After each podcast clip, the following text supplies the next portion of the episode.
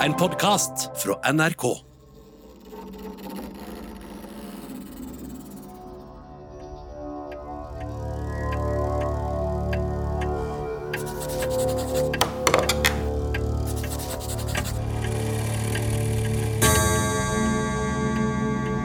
Det sitter en mann på Stockholms slott og jobber.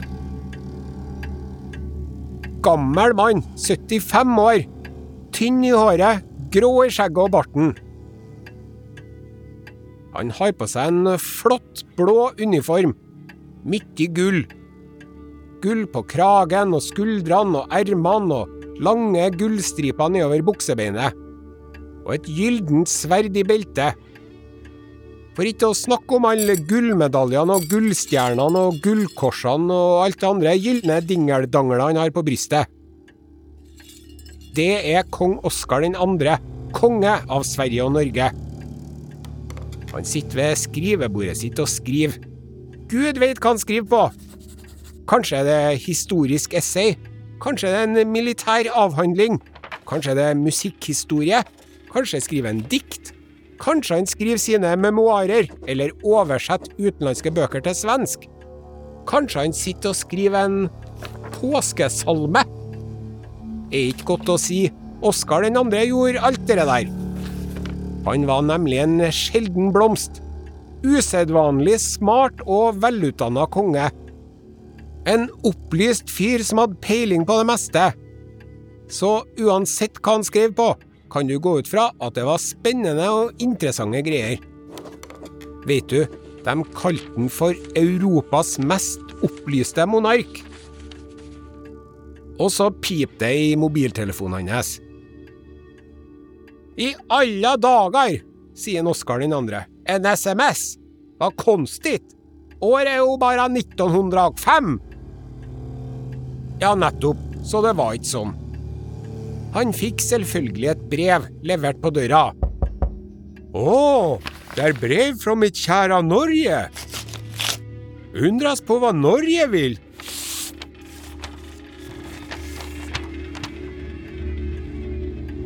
Men, men, nei!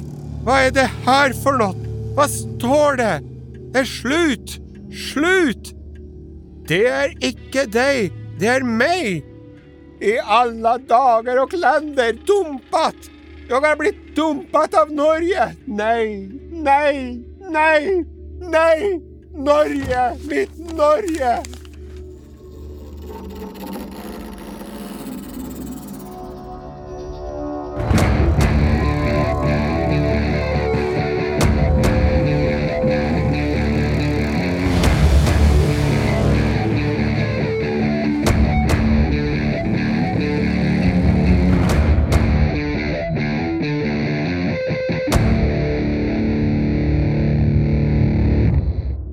Du hører Kongerekka med Are Sende Osen, sesong fire.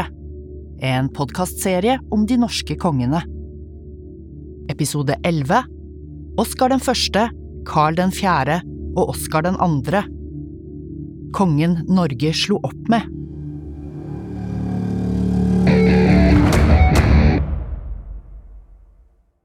Ja, Oskar den andre, han ble dumpa. Men vi kan ikke begynne med Oskar den andre, sjø. Vi må begynne med Oskar den første. For først var det Oskar den første. Og Oskar den første var slikt et vakkert barn. Et usedvanlig vakkert barn. Faktisk var et maleri av den nusselige, lille, lekre ungen en viktig grunn til at den svenske riksdagen valgte faren hans, Karl Johan Bernadotte, til kronprins av Sverige. Hva gullig han er til å ete opp! Vi får den vakreste lille tronarvingen i verden med på kjøpet! Han het Oskar, som sagt, og det navnet var det faktisk selveste keiser Napoleon sjøl som hadde bestemt.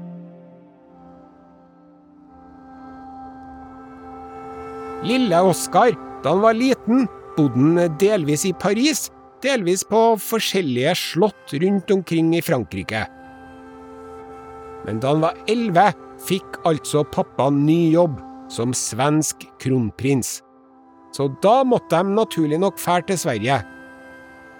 Men mammaen hans hata Sverige, hun, så hun for tilbake til Paris ganske kjapt. Og etter det tok det elleve år, elleve år, sier jeg, før Oskar så mor si igjen. Kjære meg.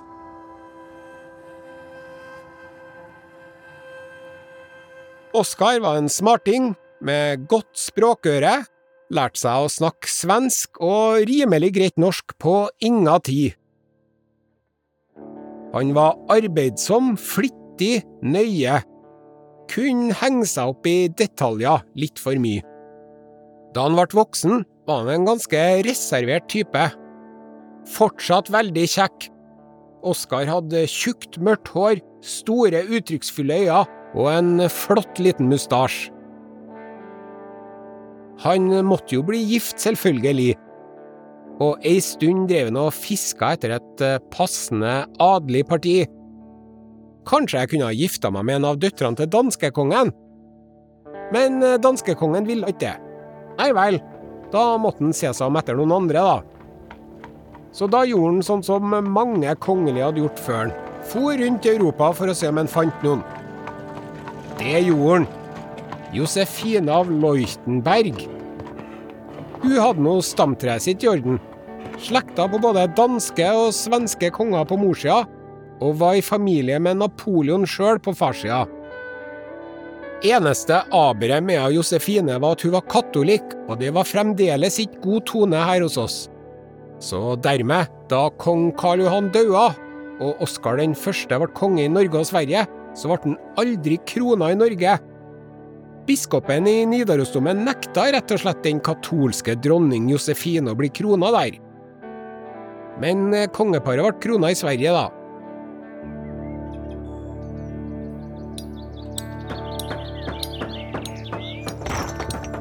Oskar den første var den som fikk bygd ferdig, og den første som brukte Slottet i Oslo. Slottet. Det var der han bodde når han var i Oslo. Kong Oskar den første hadde en drøm om at Norge, Sverige og Danmark skulle være ett rike. Igjen. Samme gamle visa. Under hans ledelse, selvfølgelig. Det var jo derfor han hadde lagt an på en av døtrene til danskekongen. Men noe forent Norden ble det ikke noe av. Heldigvis, må man nesten si. Oskar den første var opptatt av eh, kriminalpolitikk.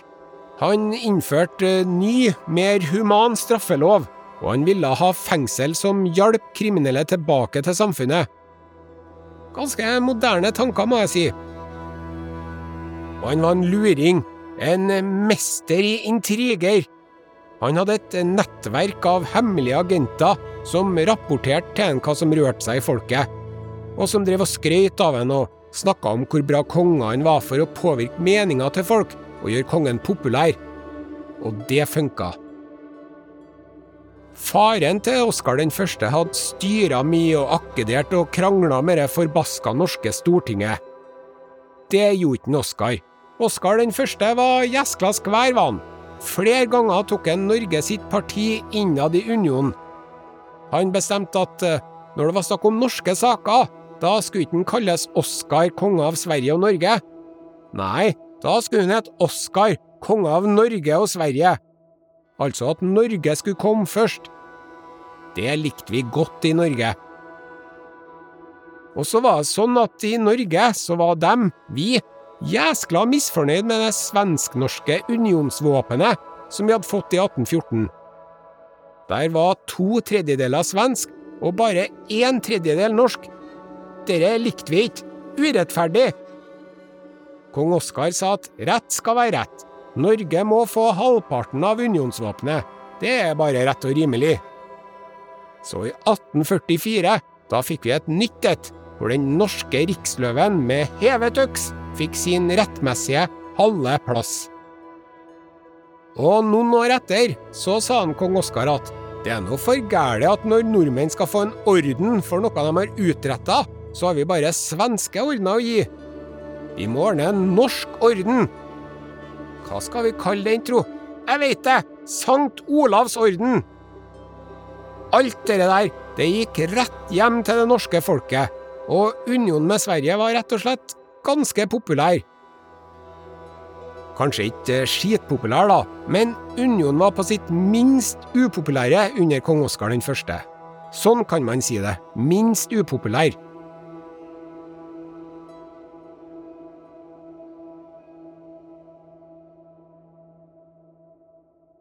En gang kong Oskar var i Oslo med familien, fikk de tyfus. Tyfoidfeber. Diaré og forstoppelse om hverandre. Og kvalme og hodepine og feber og kjempefarlig når du ikke har funnet opp antibiotika ennå. Og det hadde de jo ikke, dessverre. Kong Oskar berga, men den ene sønnen hans daua. Kongen kom seg aldri helt på fot igjen etter det. Og så fikk han en svulst på hjernen og daua 60 år gammel.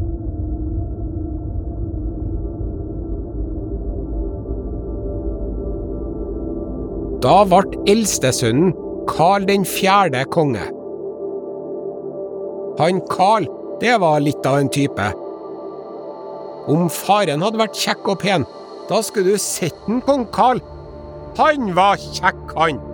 Han var vakker og velbygd. Jeg tippa at en Carl, hvis de skulle spille basket, han og kompisene, eller kanonball eller fotball eller noe, og de ikke hadde lagtrøya, da tippa jeg at Carl rakk opp hånda og sa at laget mitt kan spille med bar overkropp, ikke noe problem. Og jeg er ganske så sikker på at en kong Carl ikke gikk av veien for å hoppe ned på gulvet og ta en 30-40-50 armhevinger hvis han følte for det, eller sånn eh, hva heter det når du løfter opp hele kroppen din etter en stang oppå veggen? Pullups! Det får ikke jeg til om jeg tar springfart heller, jeg. Mens han kong Carl, han tror jeg kunne ha gjort det kjempelenge. En sjarmerende rabagast, digga av folket, digga av kvinnfolkene. Kong Carl hadde en uimotståelig sjarm. Kunstnerisk begava, drev og skrev dikt og malte. Elska å henge med kunstnere. Elska å briljere med alle talentene sine. Hadde en god utdannelse. Men han festa og tura og drakk og herja. Og så fikk en forferdelig bonanger og fillangs etterpå, og skulle aldri gjøre det mer. Men så gjorde han det igjen, lell. Og kvinnehistorier, ja. Må ikke snakke, må ikke snakke. Mora var sjokkert, men ikke så lite sjarmert også. Hun sa det. Carl gjør alt han kan for å ødelegge sin popularitet, men greier det allikevel ikke. For han kong Carl, samme hvor mye han festa, samme hvor vill han var, og samme hvor mange damer han hoppa på, det var umulig å ikke like han. Og så var han glødende opptatt av militæret, og han var så interessert i vikingtida. Så jeg tenker at en, kong Karl 4. han hadde hørt på den podkasten her. Noen år før han ble konge, gifta han seg med prinsesse Louise fra Nederland. Hun falt for ham med en gang hun traff han, selvfølgelig gjorde hun det. Carl sjøl kunne styre seg foran Louise, syntes ikke hun var noe snacksy. Men den nederlandske kongefamilien, skjønner du, de var og er blant verdens rikeste, så det var nå et pluss for Louise. Og så var hun protestant fra et gammelt og ærverdig fyrstehus. Så alt i alt var det mange gode grunner til å gifte seg med Louise. Det at han ikke likte henne noe særlig, det fikk nå bare være. Som nygift for de til Oslo, var der i en og en halv måned, og da var det skikkelig feiring i byen. De festa stort sett hele tida. Litt seinere var han på rundreise i Norge. Rundreise og rundreise. Han for omkring i hele Sør-Norge, men da han kom til Trondheim, fikk det være nok. Men det var en triumfferd. Alle digga han Carl. I 1860 ble Carl og Louise krona til konge og dronning av Norge i Nidarosdomen. Og du, den kroninga der, det var den første dronningkroninga i Norge siden 1299. Kong Carl også drømte om et samla Norden, og han ble bestekompis med danskekongen og håpa at han skulle overta som dansk konge etter han. Men det ble ikke noe av herre gangen heller. Politikken i unionen gikk nå sin gang, men eh, kong Karl 4. var en ganske svak konge. Nesten alle de store sakene han engasjerte seg i, endte med nederlag for han. Regjeringene både i Norge og Sverige gikk for noe annet enn det han sa. Den svenske statsministeren sa om ham at eh, alt som skjedde av noen betydning under hans regjering, skjedde mot hans vilje. Sånn var det. Men det tok han ikke så hardt. Enten så beit han det i seg, eller kanskje han ikke var så engasjert, egentlig. Veit ikke. Like populær blant folk var han lell. Så mens Karl Carl var konge, fikk både den norske regjeringa og det norske stortinget mer de skulle sagt. Og at eh, Norge og Sverige var sammen, nei, det var ikke noe populært. Vi begynte å bli kraftig lei av å være lillebror i unionen. Stakkars kong Karl sleit med dårligere og dårligere helse. Han var bare 46 år da han døde av en heslig sykdom tarmtuberkulose. Det får du hvis du svelger for mye tuberkuloseinfisert slim. Så får du tuberkulose i tarmen, og så sprer det seg til bukhinna. Og så får du væskeansamling i kroppen, og så dør du. Hvis du ikke får antibiotika, da, men sant?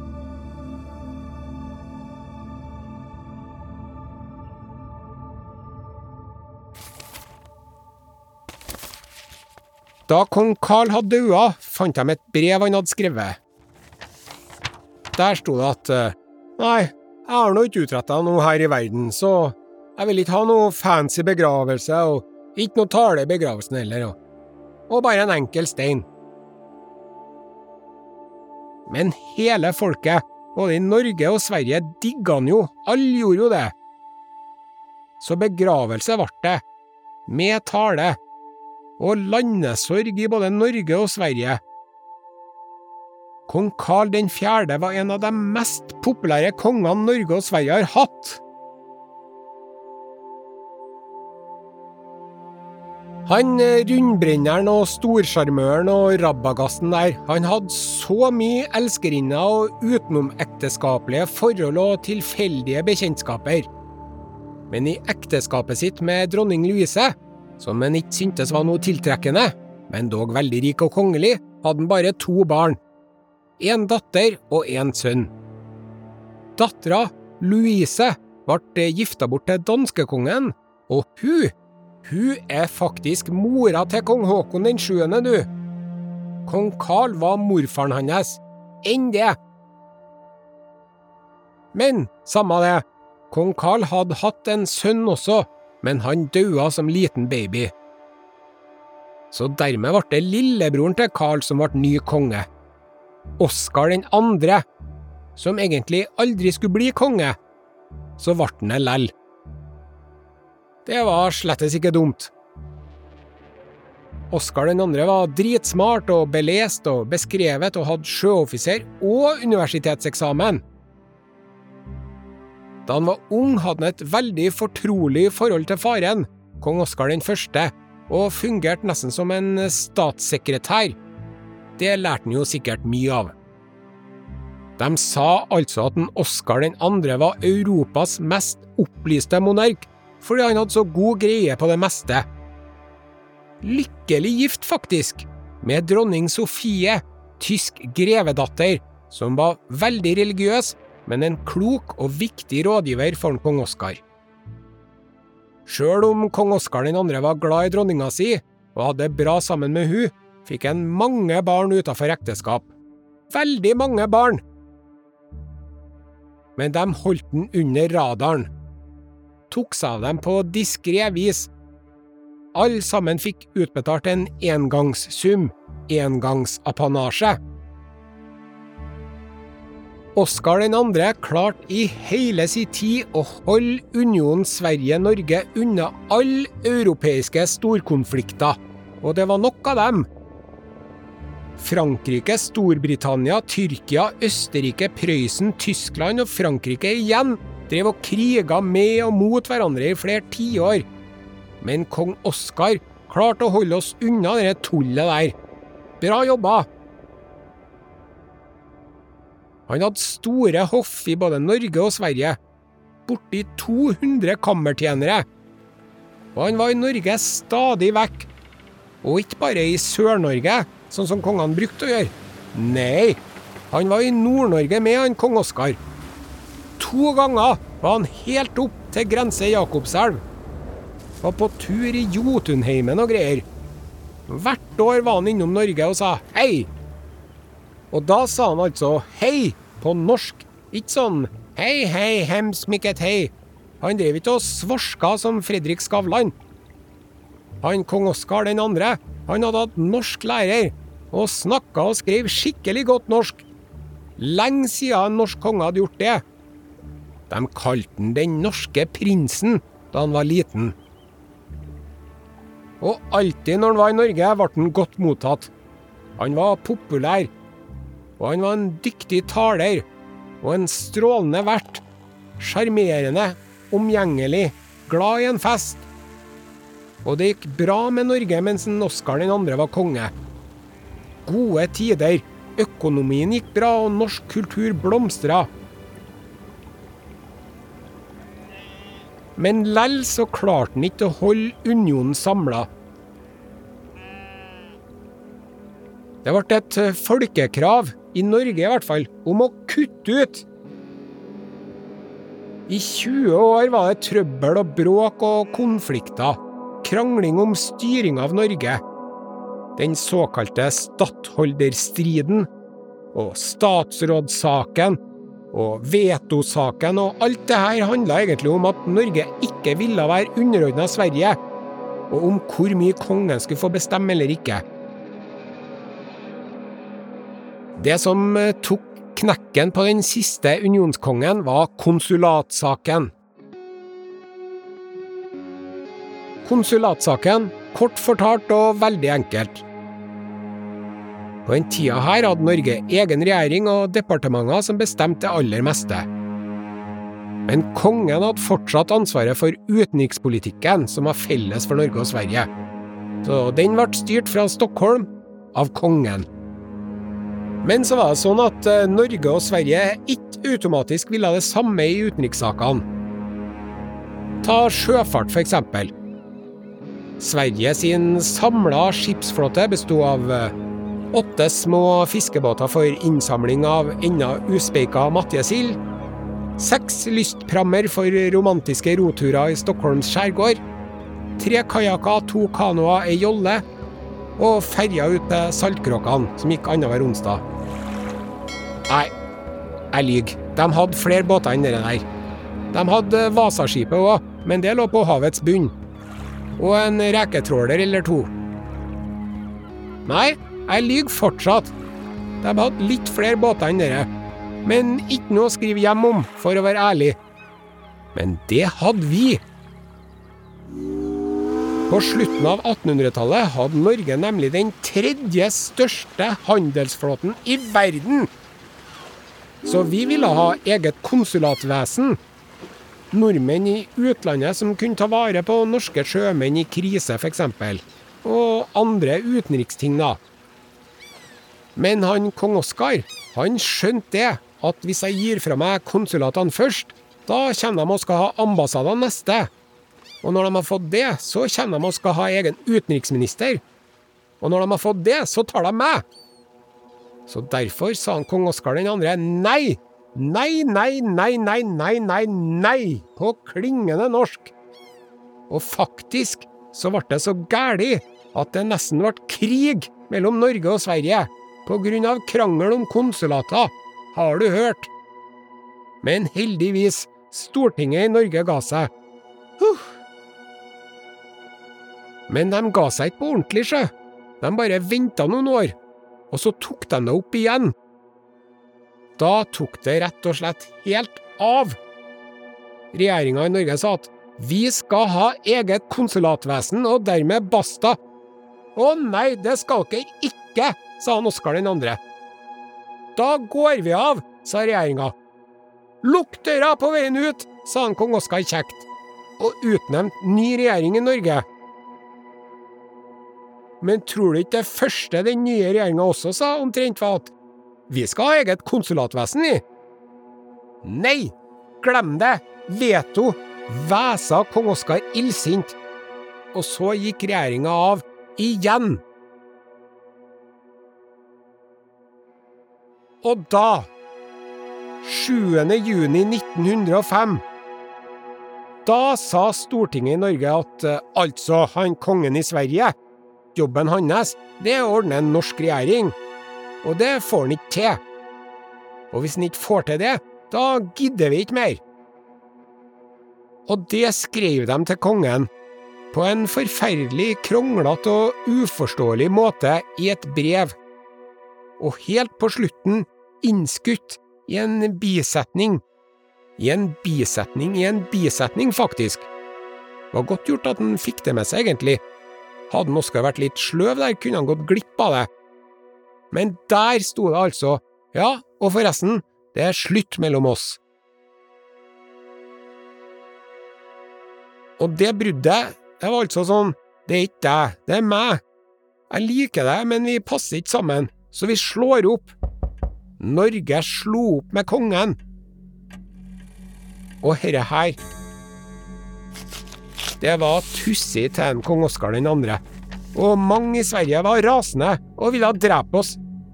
Ja, de ville det, de ville drepe oss, de ville gå til krig og tvinge oss til å bli i unionen. Og det er jo noe som mange har tenkt når de er blitt dumpa, at nei, jeg aksepterer det ikke, det er ikke slutt, vi er fortsatt sammen. Men alle sammen vet jo det, at når du er dumpa, da er du dumpa. Det her skjønte kong Oskar den andre. Han var jo ikke dum heller, tvert imot. Og så var han jo glad i oss, det kan ingen ta fra han. Oskar den andre elska Norge. Så han sa som en sting at uh, if you love somebody, set them free. Free, free, set them free.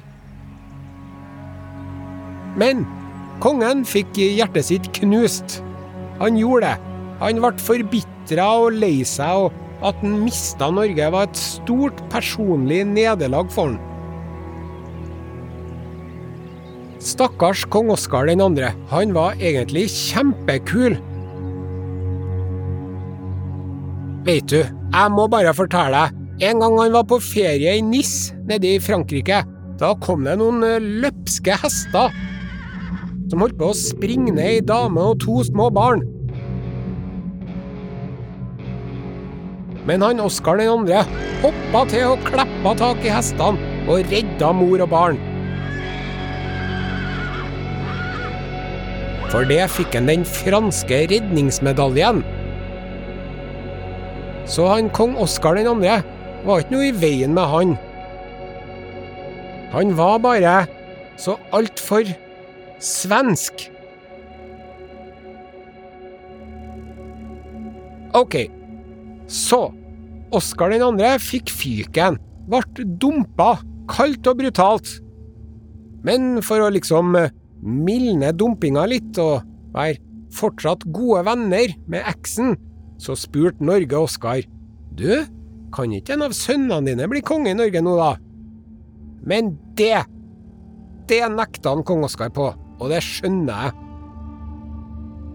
Hva skjer nå, da? Norge må jo ha en konge. Må vi egentlig det? Ja, vi må det, sjø. Det står i Grunnloven. Ok, Stilling ledig! Kvinner oppfordres ikke til å søke.